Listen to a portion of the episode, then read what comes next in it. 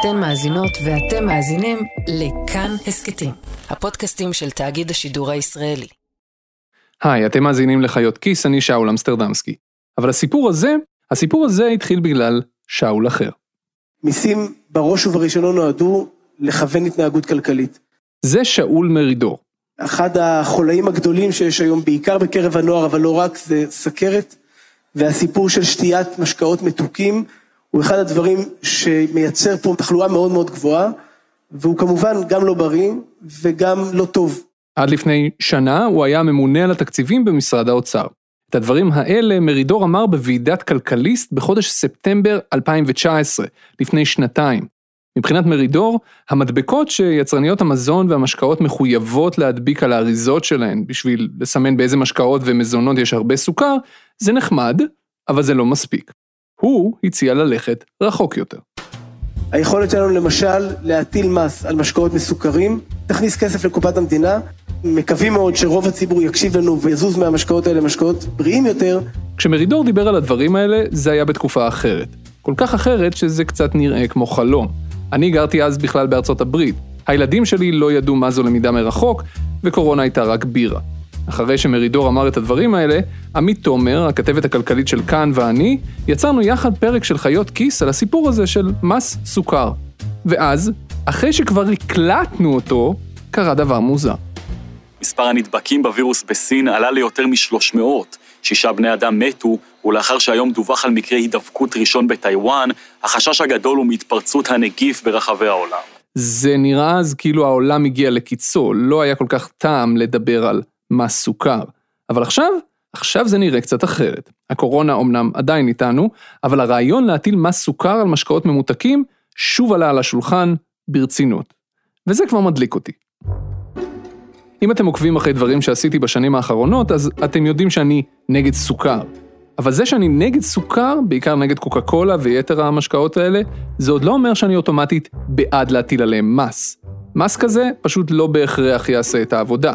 ידעתם שצריך להגיד בהכרח ולא בהכרח? כלומר, מס כזה לא בהכרח יוריד את הצריכה של המשקאות האלה, ולא בהכרח יתרום לבריאות של הצרכנים. מס כזה מאוד דומה למס על סיגריות, או על דלק. האם המיסים האלה גרמו לאנשים לא לעשן, או לא לנסוע ברכב שלהם? איך יודעים? איך אפשר לבדוק את זה מבלי להטיל את המס ואז לראות? אז לשמחתי, במרחק של כמה שעות נסיעה מהמקום שגרתי בו בארצות הברית, בעמק יפה בין כרמים ושדות, שוכנת עיר קטנה של מיליון תושבים וחצי, שלפני חמש שנים הטילה מס סוכר. אז השבוע בחיות כיס, קפיצה קטנה לפילדלפיה.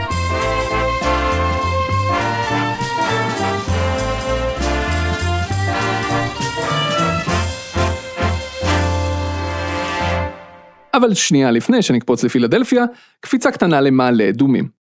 אהלן עמית תומר, היום את כבר לא הכתבת הכלכלית של כאן, סיימת לא מזמן, אבל הסכמת לבוא למילואים בשביל חיות כיס, אז ברוכה הבאה לחיות כיס. היי שאול. עמית, הסיפור שלך מתחיל בערך לפני שנתיים.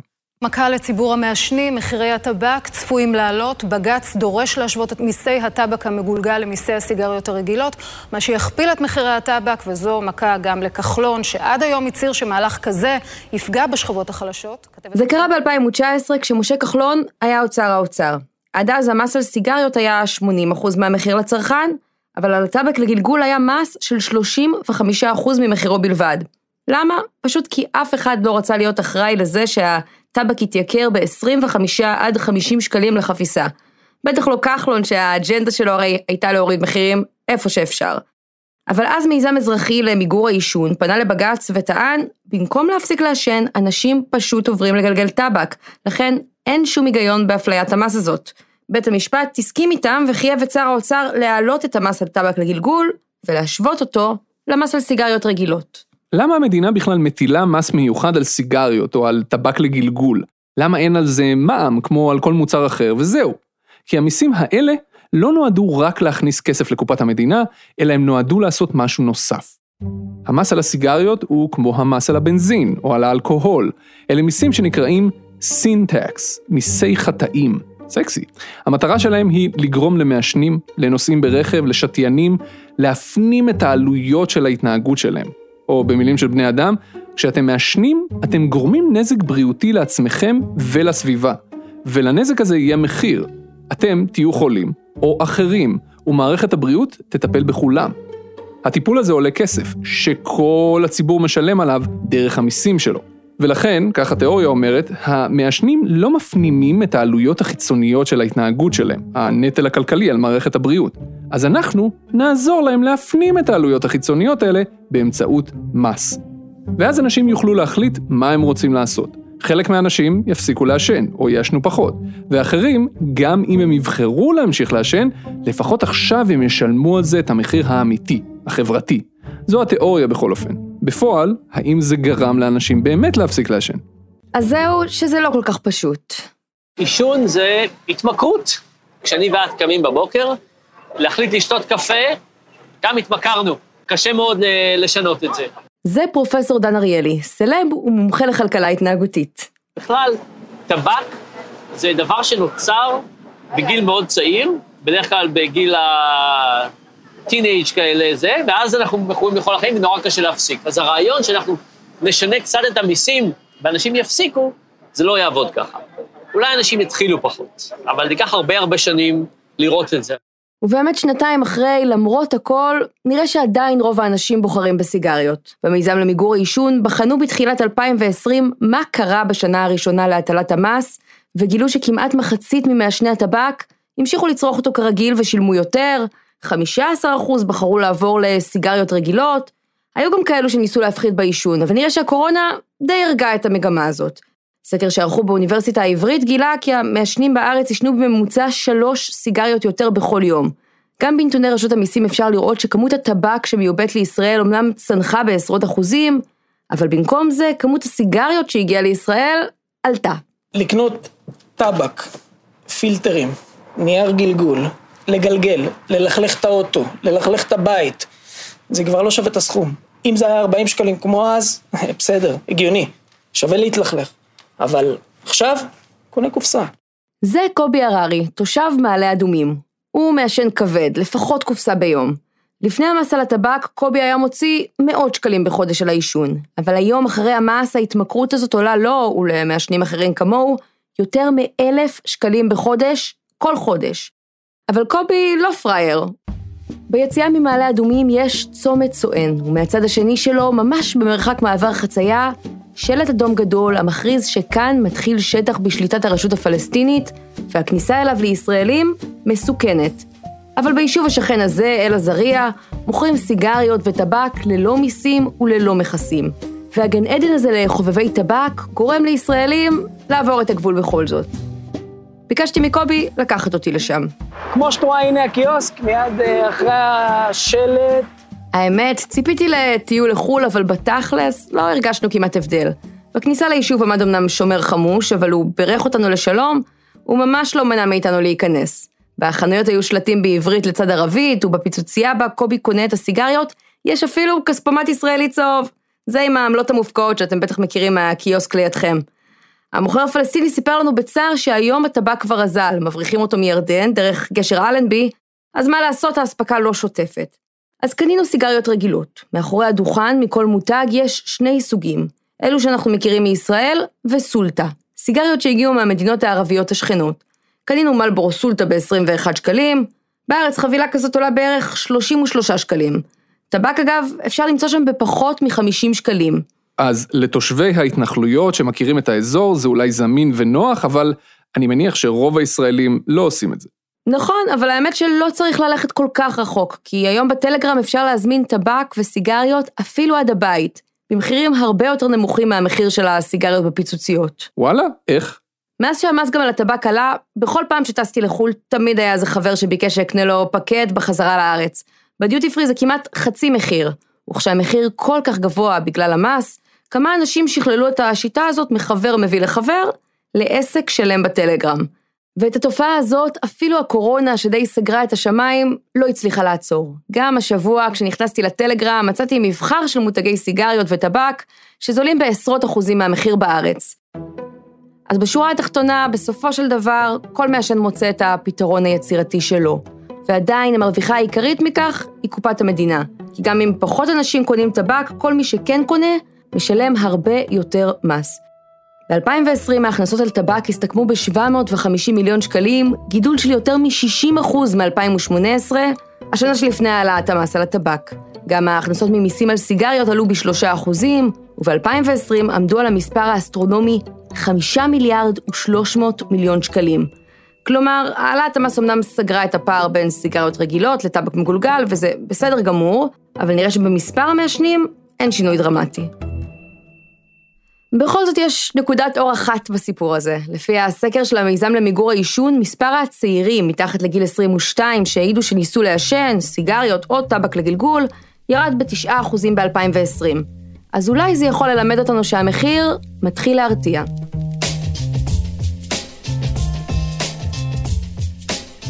האם מה שקרה עם המס על טבק לגלגול יקרה אם הממשלה תטיל מס סוכר על משקאות ממותקים?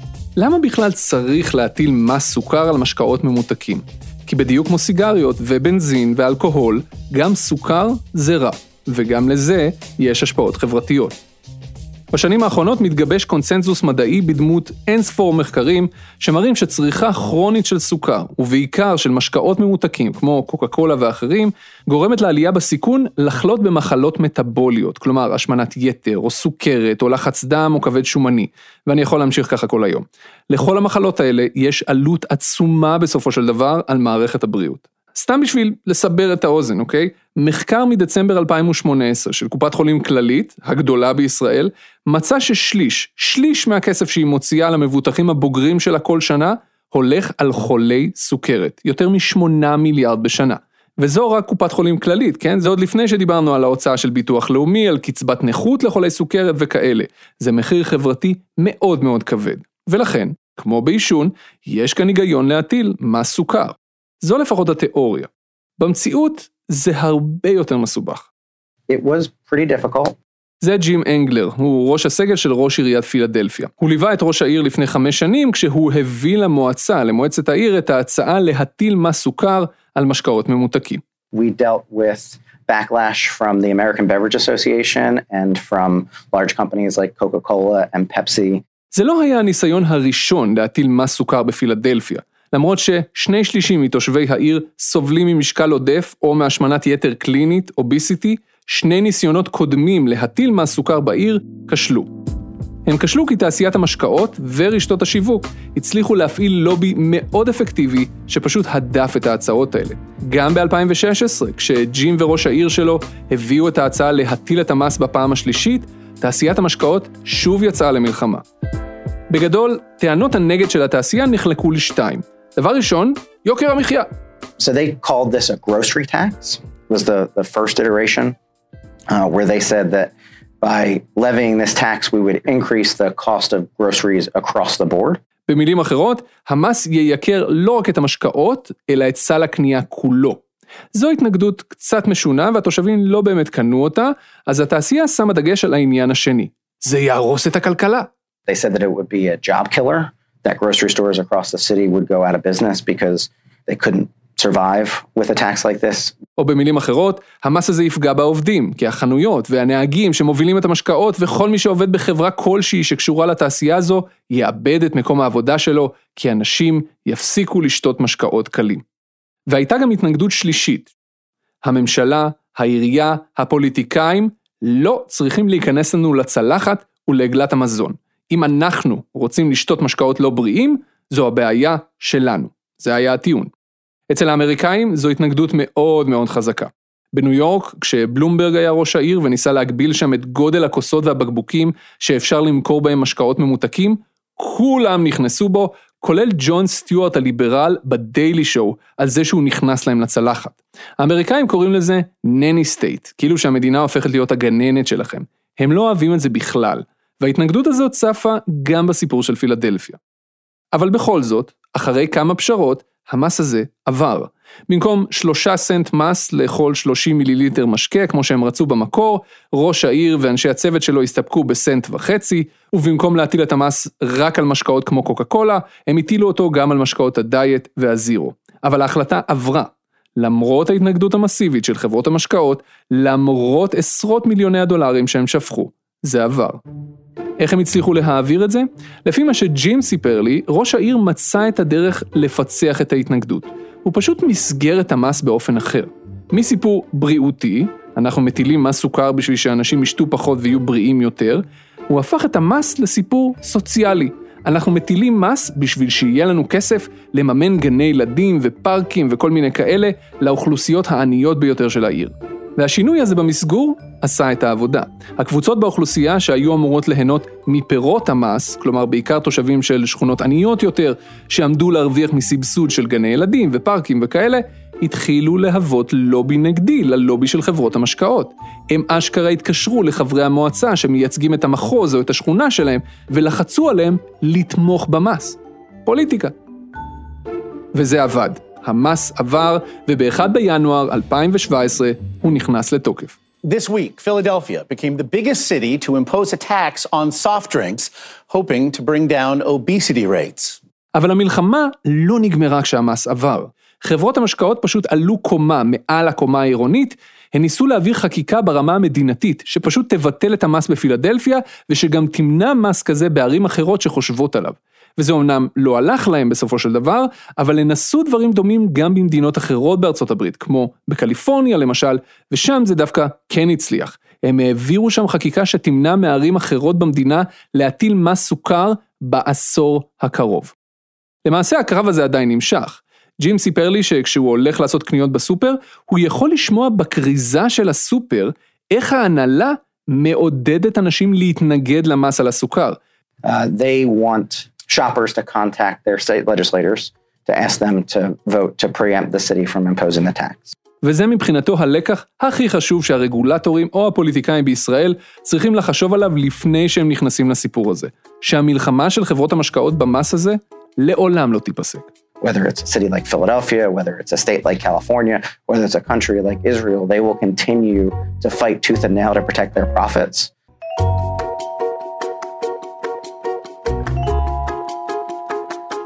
אוקיי, אז חמש שנים חלפו מאז שהמס נכנס לתוקף. מה קורה בשטח? האם המס הזה עובד או לא? הכלכלן שטפן זיילר מאוניברסיטת קליפורניה הוא אחד החוקרים שבדקו את השפעות מס הסוכר בפילדלפיה. הוא והחוקרים האחרים שעבדו על המחקר הזה, אנה טוחמן וסונג יאו, לקחו מאגר מידע ענק של כל המוצרים שנמכרים בכל החנויות, מכל הסוגים, גם בפילדלפיה וגם בסביבה של פילדלפיה. We were able to get access to a data set that's a bit more comprehensive than I think others that people have used. So we see everything from convenience stores to regular supermarkets to wholesale clubs. ואז הם התחילו לבדוק מה קרה, בשלושה שלבים. בשלב הראשון הם בדקו מה קרה למחירים, לפני ואחרי המס. השאלה של מה קרה למחיר לא הייתה כל כך טריוויאלית בגלל האופן שבו המס הזה בנוי. עיריית פילדלפיה החליטה להטיל מס של סנט וחצי על כל 30 מיליליטר של משקה ממותק על היצרנים. אבל בדרך מהיצרנים ועד לצרכן הסופי יש תחנות. יש את מי שמפיצים את המשקאות, יש את נקודות המכירה, כלומר פיצוציות וחנויות ומסעדות וכולי, ויש את הצרכנים עצמם. כל חוליה בשרשרת יכולה להעלות את המחיר, אז הכלכלנים גילו שהמחירים של הקולה ושל יתר המשקאות שחטפו את המס, עלו כמעט במלוא שיעור המס. כלומר שכל הגורמים בשרשרת גלגלו כמעט את מלוא העלות לצרכן הסופי. כך, בקבוק של שני ליטר קוקה קולה, כן, הם אוהבים לשתות שם, שני ליטר, שעלה קודם דולר וחצי, פתאום קיבל תוספת של דולר שלם למחיר. חתיכת דבר. אוקיי, שלב שני. מה השינוי במחיר עשה לכמות המכירות? האם אנשים שינו את הכמות של המשקאות האלה שהם קונים לפני ואחרי המס? והתשובה היא שכן, מאוד מאוד כן. Those drop quite a lot in Philadelphia, so we see a 46% reduction in demand. This is across all stores. אוקיי, הנתון הזה, 46% ירידה, הוא ממוצע.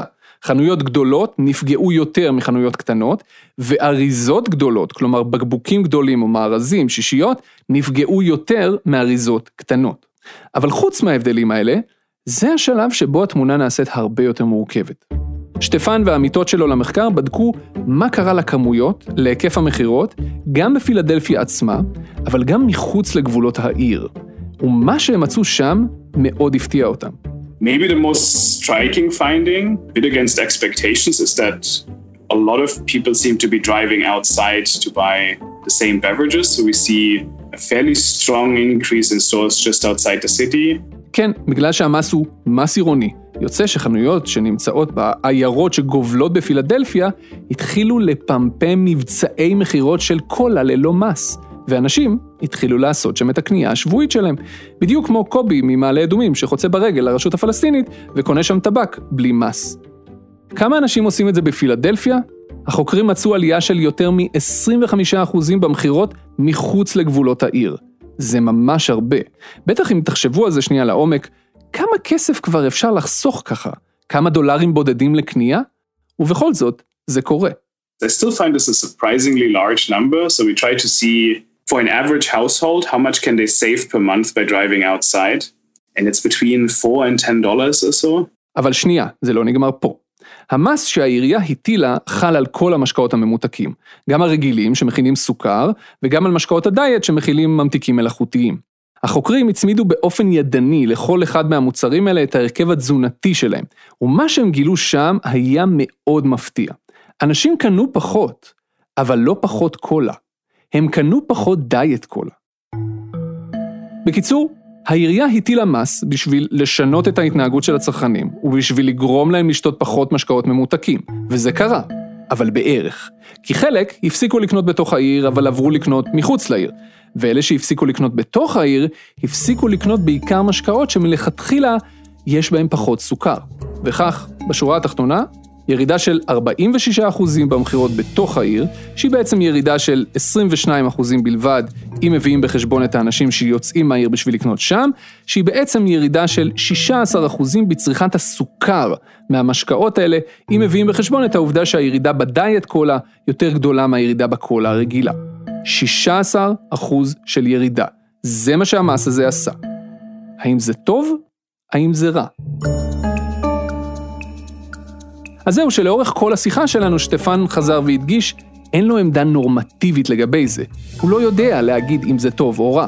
בטוויטר מישהו כתב לו בתגובה לפרסום ממצאי המחקר שכל ירידה בצריכת הסוכר, גם ירידה של 16%, היא ירידה שצריך לברך עליה. אולי, הוא אומר. השאלה, האם הייתה דרך יעילה וחכמה יותר לעשות את זה בלי להטיל מס.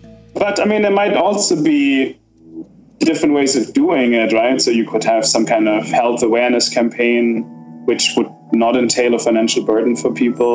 We would have to benchmark interventions against each other.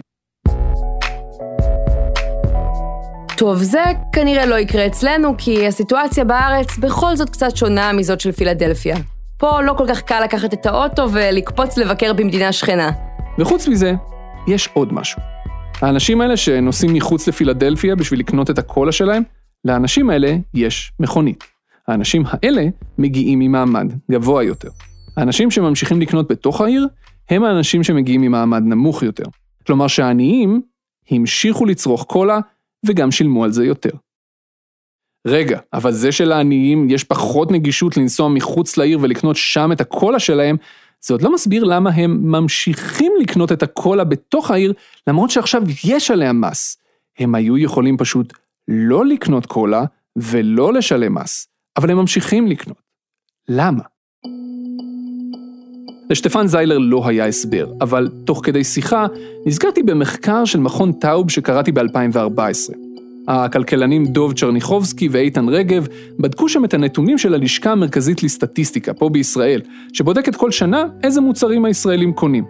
הם הראו שהעניים יוותרו על כל מיני מוצרי מזון ככל שההכנסה שלהם יורדת, זה הגיוני, אבל שבטופ 3 שלהם, כלומר ששלושת המוצרים שהם הכי פחות יסכימו לוותר עליהם גם כשההכנסה יורדת, יהיו בשר ועוף, לחם ומאפים ומשקאות קלים.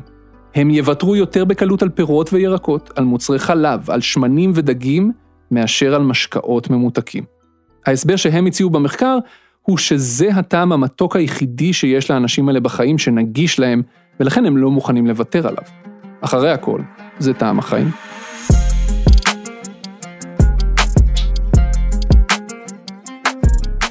ועכשיו יש מצב לא רע שזה עומד לקרות גם אצלנו. במשרד האוצר מבקשים במסגרת חוק ההסדרים שמתגבש בימים אלו, לייקר את בקבוקי המשקאות הקלים בסכום של בערך בין שקל וחצי לשלושה לבקבוק, תלוי בגודל שלו ובכמות הסוכר שהוא מכיל.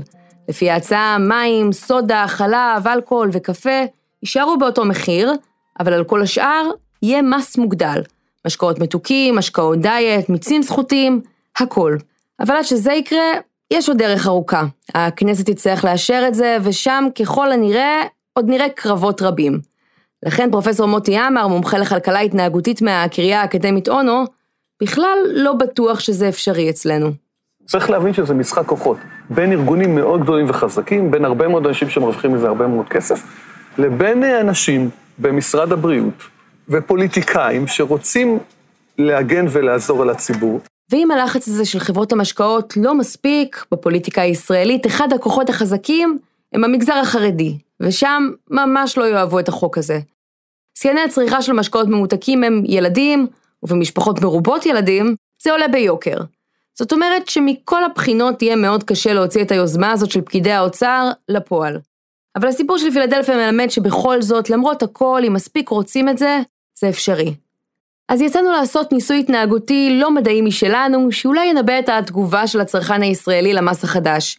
ביקשנו מפאבל, הבעלים של פיצוציית בחור טוב בתל אביב, כשמישהו מבקש ממנו קולה, ספרייט, מיץ או כל שתייה ממותקת אחרת, לספר להם שהמחיר עלה ולנקוב בסכום מחדש. פחיות 7 שקלים, רוב הפחיות. נמכור אותם עכשיו ב-11 שקלים? אוקיי. רוב המשקאות זה 8 שקלים. בוא נעשה את זה 12 שקלים אחרי המס שלנו. הולך. הבקבוקים הגדולים זה 11 שקלים.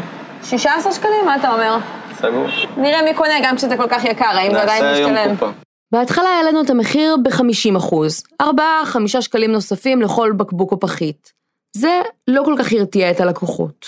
אני הרגשתי שאם פאבל לא היה אומר להם שהמחיר עלה, רובם אפילו לא היו שמים לב. לכן עשינו מהלך עוד יותר דרמטי, הכפלנו את המחיר. שזה בדיוק מה שקרה בסופו של דבר בפילדלפיה, רק שכאן המשקאות הממותקים הרבה יותר יקרים מראש, אז זה כבר ממש זעזע את הקונים. אני לא עד כדי כך אוהבת קולה. נורא ואיום. עוד דרך לעשות עלינו כסף. מיסים זה לא הדבר הכי נכון תמיד לעשות, זה הפתרון הקל, כן? לא הפתרון החכם. במצב הזה באמת רוב בקבוקי השתייה חזרו למדף, ויחד עם המחיר עלתה משמעותית גם רמת העצבים בחדר.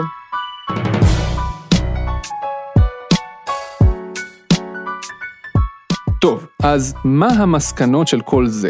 האם כדאי למשרד האוצר להטיל מס סוכר על משקאות ממותקים או לא? לדעתי כדאי לאוצר גם להטיל מס על משקאות ממותקים. כלומר, לעשות את זה אבל כצעד משלים, רק אם מוכנים להשקיע שם בצעדים נוספים.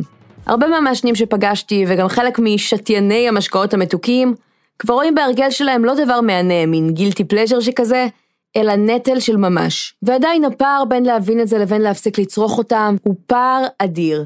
לכן, אם המטרה בהטלת המס היא לעודד גמילה, הממשלה צריכה להוסיף למקל הזה גם גזר. חינוך, הסברה, אולי ליווי מסובסד של התהליך. אם המדינה תרצה לעשות את זה, היא תוכל לשם שינוי למצוא לזה מקור תקציבי די בקלות. הם יכולים להשתמש במאות המיליונים שמס מוגדל על שתייה מתוקה יכניס לקופת המדינה, כדי להוציא את הצעדים התומכים לפועל. השאלה אם זה באמת מה שהממשלה רוצה, או שהיא התמכרה לכספי המיסים שלנו לא פחות ממה שאנחנו מכורים לסיגריות, אלכוהול או קולה, וסתם מחפשת מקור הכנסה נוסף. בינתיים זה נראה שבאוצר משתמשים בזה כפתרון קל למלא את קופת המדינה, שנפגעה מאוד מהקורונה, במסווה של מהלכים שהם לטובתנו. באותה נשימה עם המס על הסוכר, מדברים גם על מס על כלים חד פעמיים, שאומנם לא מזיקים למי שמשתמש בהם ישירות, אבל פוגעים בסביבה, ואגרת גודש, שאמורה לגרום לנו לבלות פחות בפקקים, אבל בלי תחבורה ציבורית יותר נורמלית, כנראה פשוט תהיה הוצאה נוספת על הנהגים. אם הממשלה רק תטיל מיסים, כנראה שכמו שראינו בסיפור של הטבק, הישראלים כבר ימצאו את הדרך לעקוף את הגזרה. שוק שחור, סחר בטלגרם, ואפילו כמו שראינו בפילדלפיה ובמעלה אדומים, לעבור את הגבול, בניגוד לחוק. ואגב, יש גם מדינות שלמות שהטילו מס סוכר בשטחן. מקסיקו עשתה את זה, בריטניה עשתה את זה. המחקר במקסיקו למשל הראה שצריכת המים עלתה, ושצריכת הקולה ירדה. בבריטניה עדיין אין המון נתונים, אבל אנחנו יודעים שלקראת כניסת המס לתוקף ב-2018, החברות שינו את הרכב המשקאות שלהן, ככה שיהיה בהם פחות סוכר, ולכן יוטל עליהם פחות מס. בקיצור, יש דרכים להנדס את המס הזה, ככה שהוא יוכל להשיג את המטרה שלו. אבל מלבד ההיבטים הכלכליים, יש גם את הצד הפוליטי. ראש הסגל של ראש עיריית פילדלפיה התעכב על העניין הזה ובצדק. בלי תמיכה פוליטית רחבה, אין סיכוי לנצח את חברות המשקאות ותעשיית המזון, אין שום סיכוי, יש להן יותר מדי כסף ולוביסטים. בישראל התעשייה הזאת וקוקה קולה באופן ספציפי נתמכות באופן קבוע על ידי המפלגות החרדיות. ב-2016, כשמשרד הבריאות התחיל לקדם מהלכים להפחתת הסוכר במזון שלנו, אחד הדברים הראשונים ששר הבריאות באותה תקופה, יעקב ליצמן, עשה, זה להכריז בריאיון לעיתון חרדי שלא יוטל מהסוכר, שזה הדבר שהכי הכי מעניין את קוקה קולה, לא רק בישראל, אלא בכל העולם. הקשר הזה בין קוקה קולה וחברות המשקאות לבין החברה החרדית בישראל הוא קשר מסועף. קוקה קולה מקיימת אירועים רבים לקהילה החרדית, בכירי החברה משתתפים באירועים של בכירים בקהילה, כמו טקסי הדלקת נרות חנוכה בחסידות גור, ובעבר פורסם שקוקה קולה, טמפו וחברות מזון נוספות תרמו הרבה מאוד כסף למוסדות של חסידות גור, אליה שייך שר הבריאות יעקב ליצמן. ואם זה נשמע לכם מוכר, אז כן, חלק מהתרומות האלו אפילו נבדקות היום במשטרה בחשד לשחיתות. גם כשהממונה על התקציבים לשעבר, שאול מרידור, הכריז על הכוונה של האוצר להטיל מס סוכר על משקאות ממותקים, גורמים שדיברתי איתם הסבירו לי שהמפלגות החרדיות מיד העבירו מסרים שלא יקום ולא יהיה. הטיעון הקבוע שלהם הוא שזה יכביד על יוקר המחיה של משפחות עם הרבה ילדים שקונות הרבה מאוד משקאות כאלה.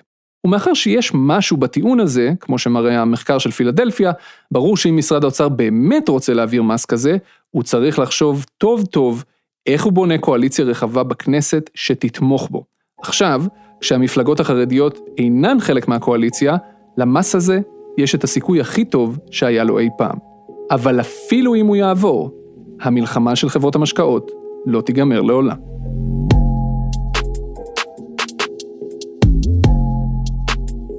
אתם האזנתם לחיות כיס, הפודקאסט הכלכלי של כאן. אם אתם חושבים שהמדינה צריכה לצאת לנו מהצלחת או מהכיס או מעגלת הקניות, או אם אתם חושבים שהממשלה צריכה לאסור על מכירה של דברים כמו קוקה קולה בכלל, דברו איתנו על זה. אתם יכולים למצוא אותי בטוויטר, בפייסבוק, איפה שבא לכם. כל הפרקים שלנו זמינים בספוטיפיי ובכל אפליקציית פודקאסטים. אם אתם בספוטיפיי, אתם יכולים לחפש שם גם את הפלייליסטים שלנו. חיות כיס המיטב, חיות כיס בוחרות, חיות ביס וחיות כיס בכדורגל. את האחרון המצאתי. העורכת של חיות כיס היא נועה בן הגיא, עורך הסאונד הוא אסף רפפורט, במערכת חיות כיס חברות גם דנה פרנק וצליל אברהם. המון תודה לנועם ברלכיס. תודה רבה עמית תומר שהסכמת לבוא למילואים לחיות כיס, את מוזמנת בכל יום. תודה רבה שאול אמסטרדמסקי, שמחתי לבוא שוב, ותודה לכם שהאזנתם.